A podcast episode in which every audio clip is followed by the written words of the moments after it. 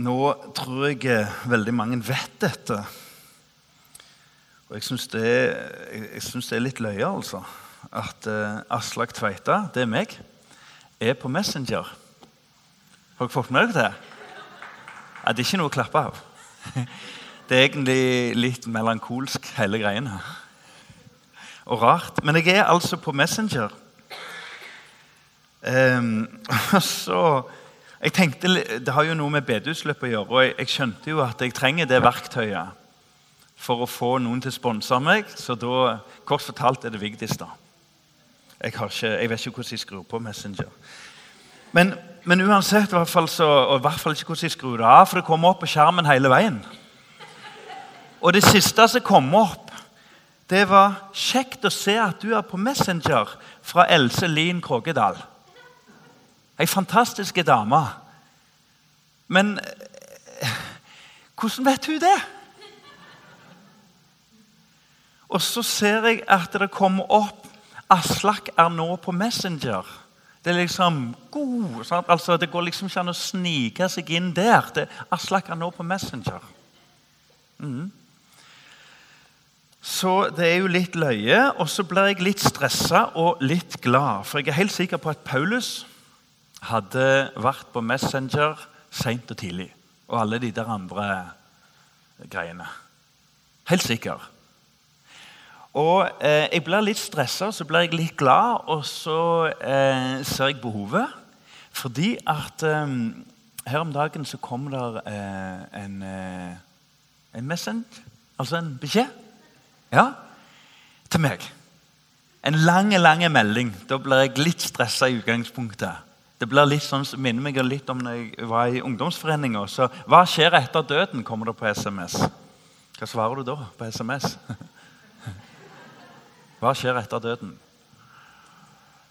Um, og så uh, er det en person da som forteller at uh, vi har begynt å invitere.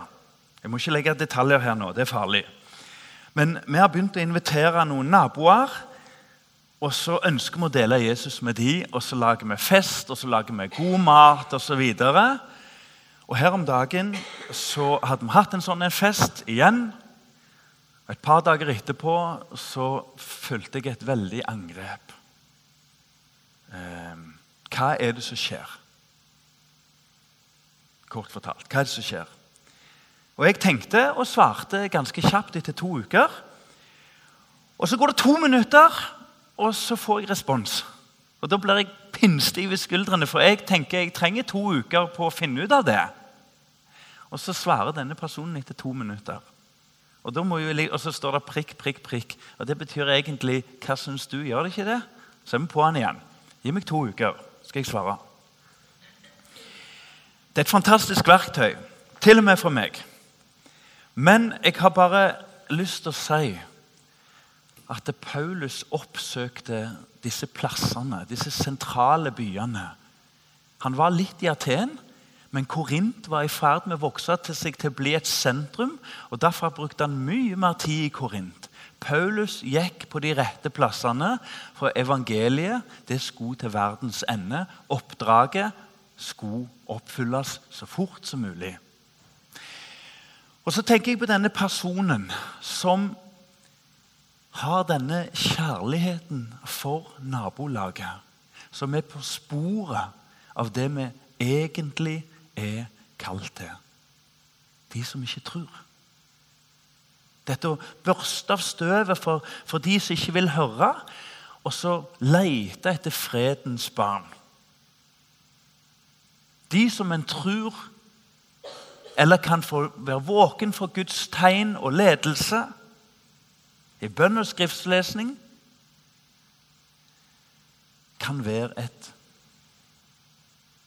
fredens barn som er klar for å ta imot Jesus. Og så vet vi i dag så tar det gjennomsnittlig to til fire år i den vestlig sekulerte verden å bli kristen. Ca. to til fire år.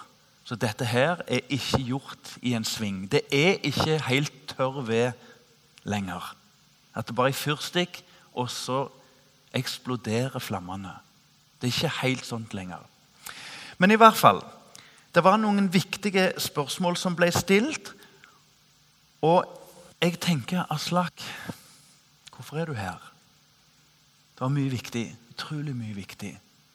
Hvis vi mister det, øynene og nøden for de som ikke har tatt imot Jesus, så blir det bare vas. Så blir det bare vas. Derfor har jeg lyst å minne dere om at livet har en enorm glede. Det har òg et enormt alvor. Husker dere jeg tok med et tau? Det er for så vidt et velkjent bilde. Og Så satte vi liksom på en liten teipbete her. Og så Litt vanskelig å vite hvor du skal plassere den. Kanskje på midten? jeg vet ikke. Og så er det liksom et symbol på livet. Og så, Nå tok jeg halvbred malingsteip, men den skulle vært så tynn at du kan ikke se den engang. For her er livet. Ikke sant? Her er livet. Og så har du evigheten bak, og så har du evigheten som ligger foran. Og så er dette her bare et lite blink. Det er livet. Og Jeg husker mormor. Gundla Solberg.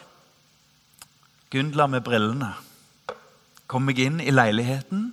Å, det går så fort, sa hun. Fra du er 50 til du er 90 er som et blink, sa hun. Dette er bare et blink. Og Derfor så ligger det en enorm glede og så ligger det et enormt alvor. Og Derfor så vil jeg òg tenne et lys. Og Vi har tatt et dåplys, og for å spare penger så tok vi et knokkent. Og så var egentlig liksom, det et lite sånn et språk i det òg. Fordi at livet er sprukken. Det er et sprukkent lærkar. Det er det beste livet kan bli på jord. Det kan kun bli et sprukkent lærkar. Og fokus for deg som leter etter noe annet Jeg må bare skuffe deg. Fokus kan i beste fall bli et sprukkent lærkar. Og ikke bare det. Det er jo det vi er kalt til å være. Et sprukkent lærkar. Så her er det sprukkent lys. Og livet starter. Og i dag er det et enormt angrep på midtsonen her i livet. Vi snakket om de farlige tenåra før i tida. Det er et angrep i midtsonen, hele linja. Og så settes det nå press i starten av livet, unnfangelsen. Og så settes det press òg fra kirkelig. Og da tenker jeg ikke bare Den norske kirke.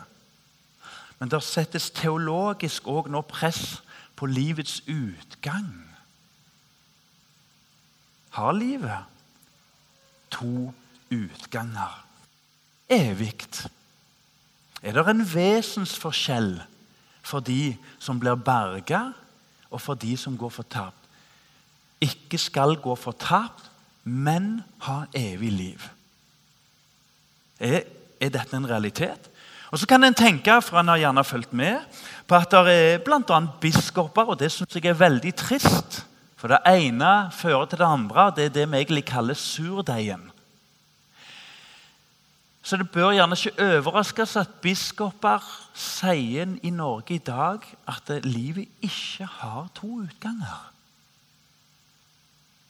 For det stemmer ikke med biskopens eller andres bilde av hvem Gud er. Og Så kan jeg tenke ja, så ille er det blitt i Den norske kirkes ledelse. Men hva med bedehuset? Hva med frikirker? Hva med de andre fellesskapene? i det sprukne lærkaret. Det tales nesten ingenting om gleden i himmelen over frelse.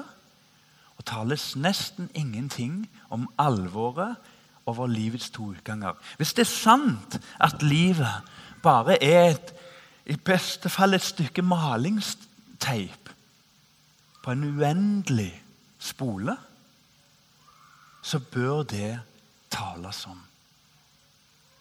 Og du, vi skal ikke drive med skremselspropaganda for sin egen del. Men vi skal heller ikke unnlate livets utgangs alvor og glede. Mm. Um, og det er én ting jeg tenker på. For bakteppet for dette året har vært Paulus og Peter, spesielt i apostelgjerningene. Og så er det noe som slår meg når eh, Paulus eh, altså går ifra holdt de på å si, aske til ild. Det er forsvar etter forsvar etter forsvar. Han har en klar apologetiske framgang. Han begynner med å bygge bro der han kan. Han gir dem litt faktaopplysninger, så de kan sjekke at det ikke er en alminnelig løgner og fant. Og Så går han videre og videre, og videre, og så slår han til der kampen står. Er det oppstandelse fra de døde? Er det tilgivelse for syndene? Paulus blir dreven fra skanse til skanse. Men det er én ting han ikke blir offended. Normalt i norsk Jeg er ikke så språksterk, det vet dere som kjenner meg. Men normalt i norsk så sier vi at det, at det, at det, er et litt fattig språk. Vi er liksom helt på slutten av den der indoeuropeiske rekka. Ja. Men vi har et veldig godt ord. For det er lett å tenke at offended er noe sånn i retning av, av å bli fornærma eller noe sånt. Men Bibelen og norsk språk har et veldig godt ord som snakker om at du er anstøt. Du tar anstøt. Og anstøt det er akkurat som sånne små surdeigklumper. De er bitte små. Noen ganger er de store, men de er bitte små. Og så tillater vi dem inn i livet vårt. Og så vokser de seg store. Og vet du hva? Av og til så lurer jeg på hvorfor mener du det du mener. Og så ser jeg av og til et spor etter anstøt i livet. Og så dannes stor politikk ut ifra ting som har skjedd i livet. Og Jeg ser det på teologi. Jeg ser det på gudsbilder. Og jeg ser det i mitt eget liv. Noen som har vært på Hjertefokus her. Det er et generaloppgjør mot anstøtene i livet ditt. Og det er veldig viktig. For jeg ser at mye av det bildet som jeg egentlig har bygd sjøl, som jeg trodde var så rett, det er fordi små ting har sluppet inn i hodet, gjennom øyne, gjennom fingre og alle kroppens sanser. Og så har det plassert seg billedlig talt dypt i troens hjerte. Ja? Hmm. Paulus han hadde sin kamp. Han hadde tornen i kjøttet.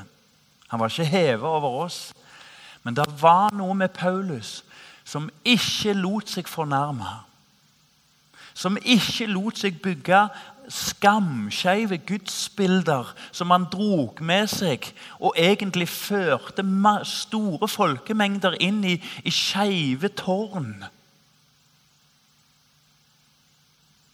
Han ble ikke offended. Jeg tror at mange avviser livets to utganger en til fortapelse, borte fra Gud, og en i evig salighet hos Gud, som Bibelen sier sånn. Jeg tror mange avviser det. For det er et anstøt som har sluppet inn i livet. Og Da blir det ikke bedre når det ties i hæl i tillegg.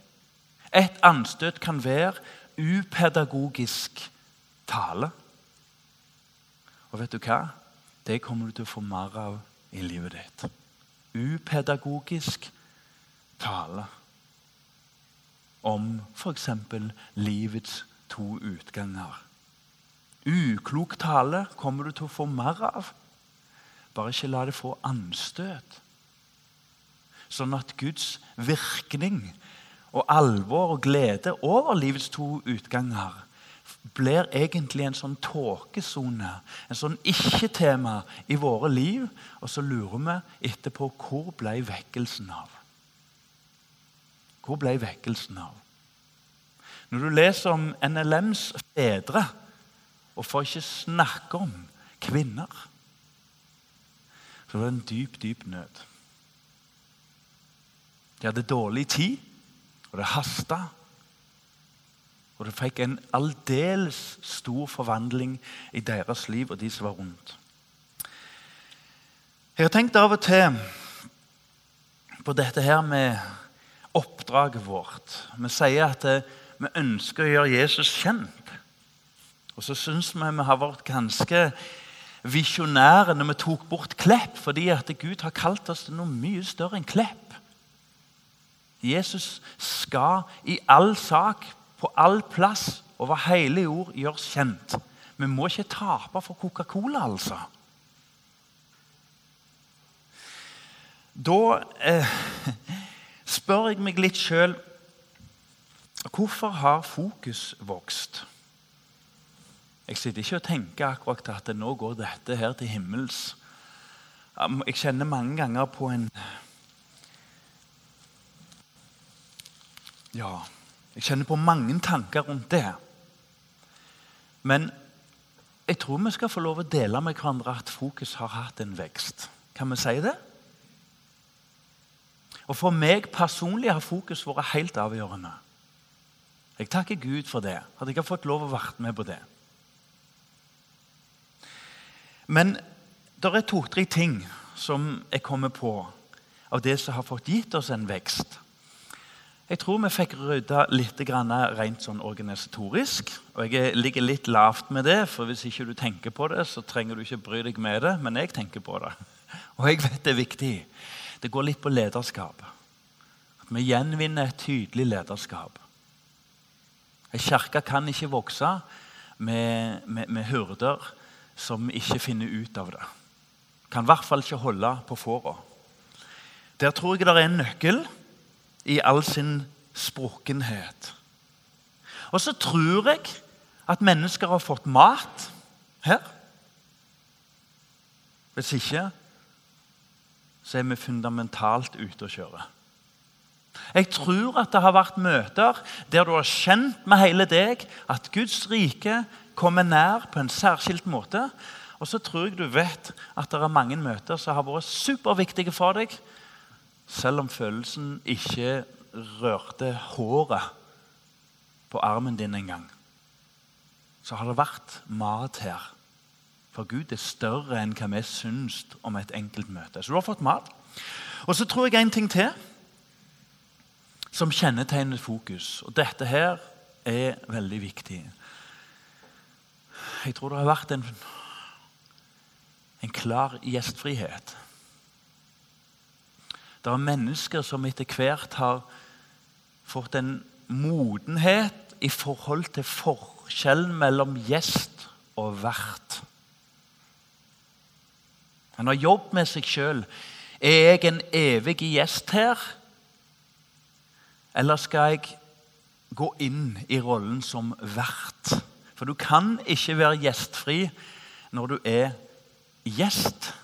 Det er hovedsakelig verten som tar initiativet. Like sant som at kjærligheten er ikke at vi, gjester i Guds rike, elsker Gud, men at Han elsker oss først. Det er Gud som er verten for kjærligheten. Er det ikke det? Det er et samspill. Gud inviterer oss ikke inn som robåter.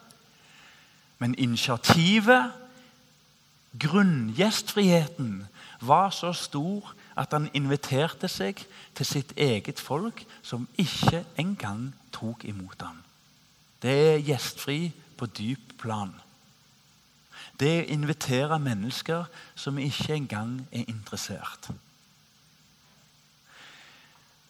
Og så har jeg lyst til å gå litt dypere enn gjestfrihet. For jeg har merka for min egen del og vi må gjenvinne gjestfriheten. Vi må aldri miste gjestfriheten. Og jeg er helt enig at vi kan tenke litt når vi står her framme. Hvordan oppfører du deg i salen? Hvor setter du deg? Når kommer du til møtet? Og hva signal gir det til de andre? Det er kristen oppdragelse det, til voksne mennesker. Intet mindre. Men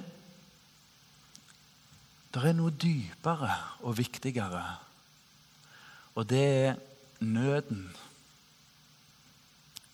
Paulus sier jo 'Jeg er jøde for jøde'. Ja. Og så er jeg greker for greker. For meg og deg er det et flott ordspill. For, for Paulus kosta han livet til slutt. Skjæringen med å prøve å være begge deler det, det, det, han, han, ble til slutt drept pga. det. Han var jøde for jøder. Og så var han greker for greker, for i det minste vinne noen. Jeg gjør alt. Jeg gjør alt hvis jeg bare kan vinne noen. Samme hvor. Bare noen. Og så oppdaga han at som tiden gikk, så ble han hedningenes apostel. Det var ikke noen, men Gud hadde evighetsplan for Paulus. Og det har han for meg og deg òg. Det brenner et lys her, og vi vet at vi kan ikke knipse. Det er ikke elektrisk, vi kan ikke skru av og på. Det kan slokke. Og vi vet det brenner ned. Det ligger mye symbolikk i dette. Og så ligger det noe flott. Det er varme i det. Det sprer lys.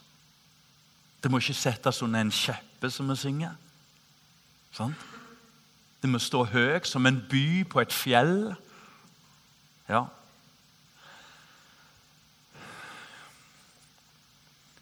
Jeg har mange ganger frustrert meg når jeg går ned fra talerstolen, og jeg vet er mange som har vært glad jeg har gått ned i det hele tatt. Men jeg har frustrert meg. Så jeg har vært i en sånn type åndskamp når jeg har kommet hjem. Aslak, du må snakke mer om hvordan vi vil ha det her. Hvordan det skal være i fokus. Hvordan du sjøl ville bli møtt når du kommer her til. Og det skulle vi nok gjort, og det er det flere som prøver på her. Men du, der ligger en energi og en drivkraft, en åndens kraft, som er mye dypere. Og det er ikke hvordan jeg ter meg, om jeg sitter bakerst eller fremst. Men det er noe mye dypere. Det er en grunnleggende nød for at mennesker er evig borte fra Gud. Og det alvoret kjenner jeg, håper jeg, at jeg vinner tilbake. Jeg hadde noe spesielt, jeg har fortalt det flere ganger her. Når jeg var 15-16-17 år, så våkna jeg midt på natta med en enorm nød for mine venner. Og vet du det? Jeg tror de kjente en genuin nød. På tvers av den Aslak var, og som de kjente han. Hvis vi mister den gode venner, så er det over. Det er over. Så her ligger det en enorm spenning og et enormt alvor. Hvis vi får opp vers 31 Vi blir litt kjent med Paulus. Dere kjenner meg. Jeg blir så alvorlig at det, det er mesten som er dett under stolen. Han forkynte Guds rike og lærte om den Herre Jesus. Det gjorde han. Med all frimodighet uten hindring. Kjenner vi oss igjen? Med all frimodighet og uten hindring. Um, eh, jeg kjenner igjen uten hindring. Det er en åndskamp. Men jeg kan ikke si at jeg har eh, blødd så enormt for det. Det er liksom ikke helt hindringen som er den store issue i, i, i mitt liv. Du blir hindra av Det er en tidsånd som sier at eh, Guds rike kan ikke lykkes nå. Jeg kjenner ikke på det. Først og fremst. Men jeg kjenner på mangel på frimodighet. Mangel på å tørre å tenke og tro at jeg sitter med, en, med et levende vann i en ørken uten ende, uten palmer og oaser, uten engang en dråpe på ei krypende bille. Ingenting. Det er aldeles tørt, og jeg sitter med vannet. Men jeg mangler frimodigheten. Skal vi kikke bitte litt på det? Vår tid er fortsatt preget av uhindra, selv om vi ser det strammer seg til. Hvis du leser i avisene nå, så strammer det seg til på det ene og det andre planet. Og Jeg er i tvil om vi skal ønske det velkommen eller om vi skal kjempe imot det. Det var en person som sa i går som jeg møtte, som kjenner politikken. Det er jo en diskusjon nå om bedehusets plass eh, til offentlig støtte. Og så sier hun det at eh, eh, det er grunnleggende mangel på kunnskap. Kjenner vi oss igjen? Det er grunnleggende mangel på innsikt og kunnskap om kristne fellesskap blant politikere. Men det er mer. Det stikker dypere. Men jeg har altså ikke blitt hindra, og i hvert fall ikke fengsla enn så lenge. måtte Det være. Det var en som sa nordmenn har ikke sagt nei til Jesus. Nordmenn har ikke sagt nei til Jesus. De vet bare ikke hvordan han ser ut. Og det syns jeg var veldig godt sagt av Martin Kau. Nordmenn har ikke sagt nei til Jesus. De vet bare ikke hvordan han ser ut. Og hvem har ikke snakket med arbeidskollegaer, slekt og venner, og så kjenner du Jeg hører hva du sier. Det er bare du er blind. Jeg har sett noe. Du ser ikke Jesus sånn han er. Kjenner vi oss igjen? La oss ikke bli frista til å gå i mismodets felle og tenke at mennesker i Norge ikke vil ha Jesus. Hvis vi får opp kapittel 28, vers 23 fordi Nå er vi på det siste kapittelet hos Paulus. Han har gått fra forsvarstale til forsvarstale. Og han er ikke skuffa, fornærma og nedkjørt og sint og sur. Og i hvert fall ikke anstøtt. Han kjemper mot det. Og han får til og med et tegn som sier at du skal til Roma. Ånden sier du skal til Roma.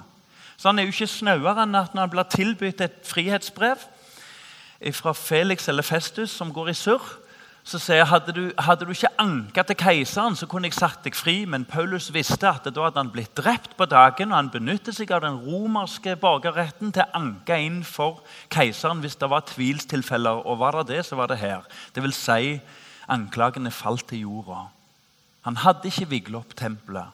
Han hadde ikke tatt med seg hedninger inn og ut i hytt og pivær i tempelet. Så, blir, så, får han en frihet og en trygghet for at han skal til Roma.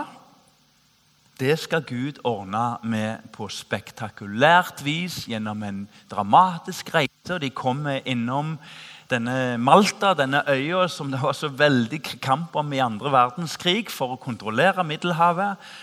Og Den gang ble det òg en åndskamp, en luftens åndskamp. For i andre verdenskrig så var det egentlig spørsmål om å kontrollere luftrommet. Og det var Malta godt egnet til. Derfor fikk Malta-borgerne ridderkorset som det eneste hele folk som har fått det. Litt for å smiske kanskje òg. Men Malta for Paulus ble et åndenes luftrom til å kontrollere i Jesu Kristi navn. Veldig spennende reise, og de ble godt tatt imot. og De traff sentrale personer som tok imot den, og tok vel imot dem. Og Så reiser han av gårde, og så kommer han til Tres Tabernet. Nå er han rett utenfor Roma. og Så står det at brødrene kom imot han. De var litt overraska, for det var ikke sendt noe brev. Det var jo bare Ånden som hadde lovt dette til Paulus. Han reg jo bokstavelig talt på et skipsforlis. Og så kom han fram. Og så Det er flott når mamma hører hvem det er. Så kommer han fram, og så møter folk han med forventning. Og det der står, er at han ble fulgt av glede når han så dem. Det står vi skal være en velduft. Og Jeg har lyst til å sette mot i dere hvis det kunne hjelpe. Jeg blir veldig glad når jeg kommer inn i dette huset. Jeg blir veldig glad når jeg treffer dere nede på Statoil eller det der nye navnet. Jeg blir veldig glad når jeg ser et glimt av dere. Og så blir jeg utrolig åndsfullt når jeg går ned i kjelleren før møtet, så ser jeg ungene og så har jeg lyst til å si hei. For Jeg har ikke lyst til å være voksen som bare går forbi, for det er unger. Det er unger. Jeg blir åndsfullt når jeg ser ungene. Og så har jeg lyst til å si hei selv om de er pottesur på noe, ikke har lyst til å si hei til meg. Ja. Paulus møter folk i Tres Terbané, og han blir fulgt av dyp åndelig og menneskelig glede, og det blir satt imot igjen. Å holde seg vekke fra det hellige samfunn er å miste mot. Ja. Og Ofte har du mista de tre andre b-ene lenge før du mister den siste brodersamfunnet. Så står det i vers 28-23 etter at de har avtalt en dag med ham Paulus er ikke fornøyd med vilkårlige situasjoner, ledet av den ånden, men han vil òg ha strukturert misjonsvirksomhet. Etter at de hadde avtalt en dag med ham, snakker vi om ei smågruppe her. Er ikke det det? Han legger jo opp til ei smågruppe. Han tar jo inn hos en fange og får lov, nei, leier et hus og får lov å ha med fangen med seg og har stor frimodighet. Og I to år holder han til i det huset, og Guds rike eksploderer i Roma. Våre hus og hjem må være en misjonsstasjon. Her ligger nøkkelen. Altfor lenge har vi institusjonalisert oss. Altfor mange ganger har jeg sagt det. Hvis vår forventning er at alle andre plasser enn der føttene mine står, skal Guds rike vokse, så følger vi i hvert fall ikke Paulus' strategi. De avtalte en dag med ham og kom dit hvor han bodde. Og vi vet altså i dag to til fire år Det er ganske lenge, det. To til fire år tar det fra mennesker som i dag er nærmest født med en grunnleggende skepsis til alt spesielt kristen.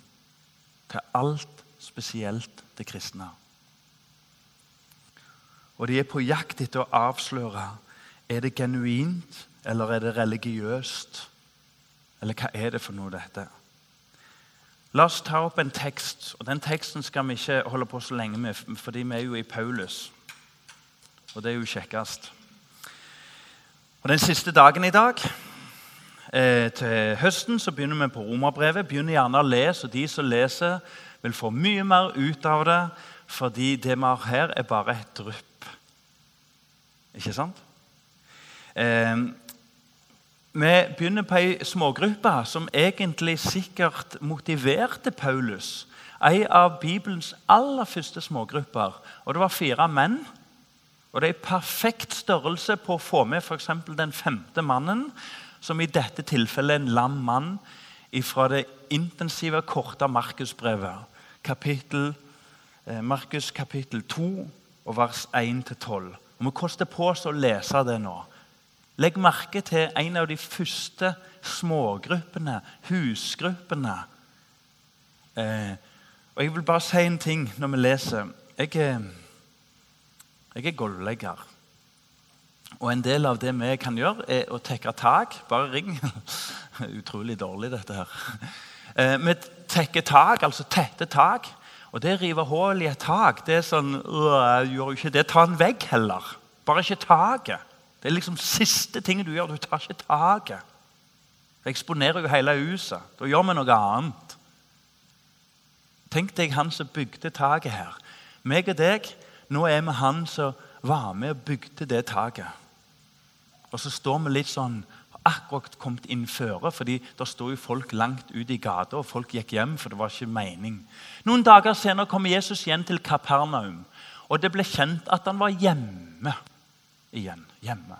Straks samlet det seg så mange mennesker at de ikke fikk plass, ikke engang ved døren. Og han talte Han talte ordet. Det er så mye å lære. Han brukte Bibelen. Profetiske ord. Hm. Talte ordet til dem.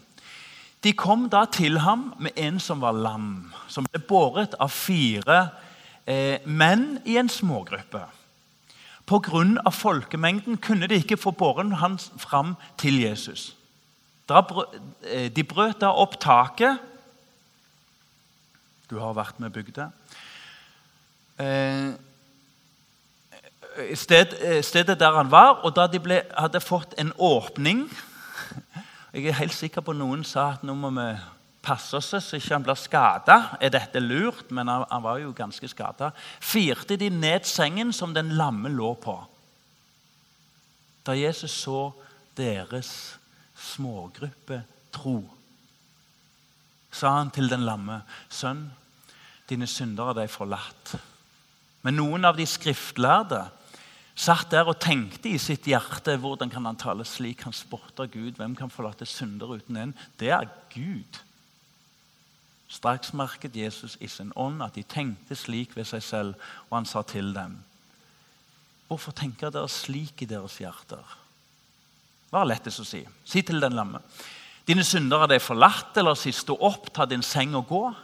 Men for at dere skal vite at menneskesønnen har makt på jorden til å forlate synder Og nå taler han til den lamme.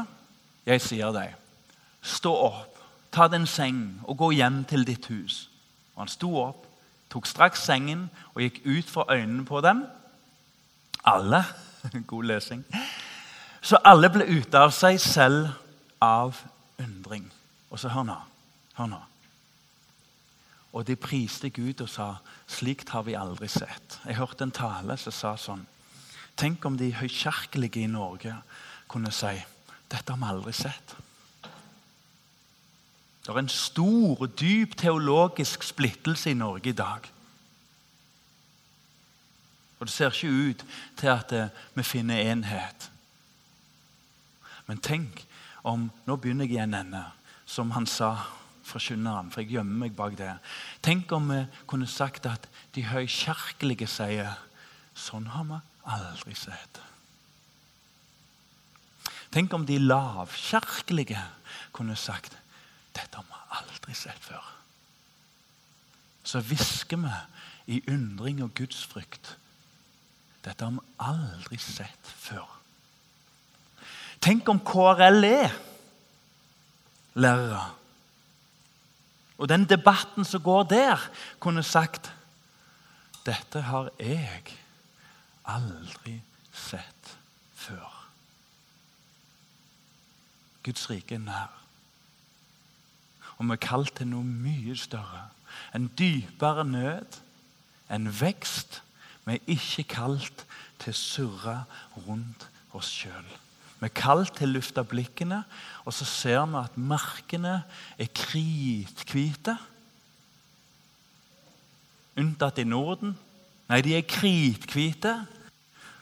Og så er vi kalt til alvoret at det er veldig få arbeidere. I den teksten her så er det faktisk ganske spennende. fordi at um, Jesus ser troen deres. Og Hvis du sliter med tro, så er dette en av de beste tekstene til å få et godt trosbilde. For det var ikke troa deres, den som bodde i dem, fra deres indre. Fra deres valg. Fra deres unike åpenhet for Guds rike. Men det var at de håpte på Jesus. De hadde en mann som bekymra dem, som sikkert var en god venn, en slektning. De hadde en nød for ham. Den nøden har Gud planta ned lenge, ellers hadde de aldri revet taket. De var desperate. Og troen deres var ikke at de trodde, men at Jesus kunne hjelpe. Og det er tro.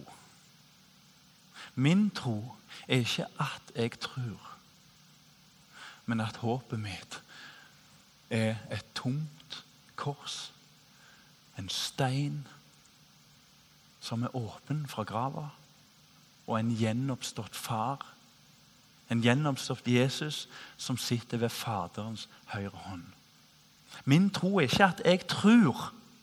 Min tro er at jeg ser på Jesus, og så håper jeg på det. Og så setter jeg alt på det. Og så ønsker jeg å leve alt på det. Det er tro. De var desperate. Derfor har jeg lyst til å komme med en ganske utfordrende setning.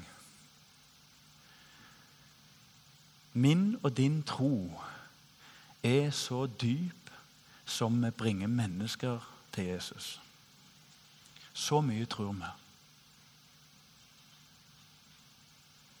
Min og din tro er så dyp som vi bringer mennesker til Jesus.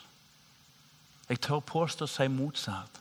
Den som har ingen nød for å bringe mennesker til Jesus, må spørre seg om han har tro i det hele tatt. For da har troen blitt noe du har, framfor et håp til Han som kan hjelpe. Og det er en sammenheng. Den som sjøl ikke søker legedom hos Kristus, hvorfor skulle han be andre om å gjøre det? Og Det ligger en enorm kraft i at mennesker blir frelst. Derfor er det helt avgjørende for meg. Og vet du det, til slutt Jeg vet at mange er slitne. Jeg har fått noen signaler om det. Det er ganske krevende å være med i en menighet. Og Det er vanskelig for oss i ledelsen å vite skal vi senke kvaliteten, skal vi øke det, eller skal vi gå ned på gudstjenester? Og det jobber vi med. Vi har renska litt før. Vi må, vi må, liksom ikke høre at folk er slitne, og så bare durer vi på. Nei, vet du hva, dette er et åndelig spørsmål. Hører hva du sier. Vi må ikke gjøre det. Vi må ikke gjøre det. Vi må lytte. Men vet du hva?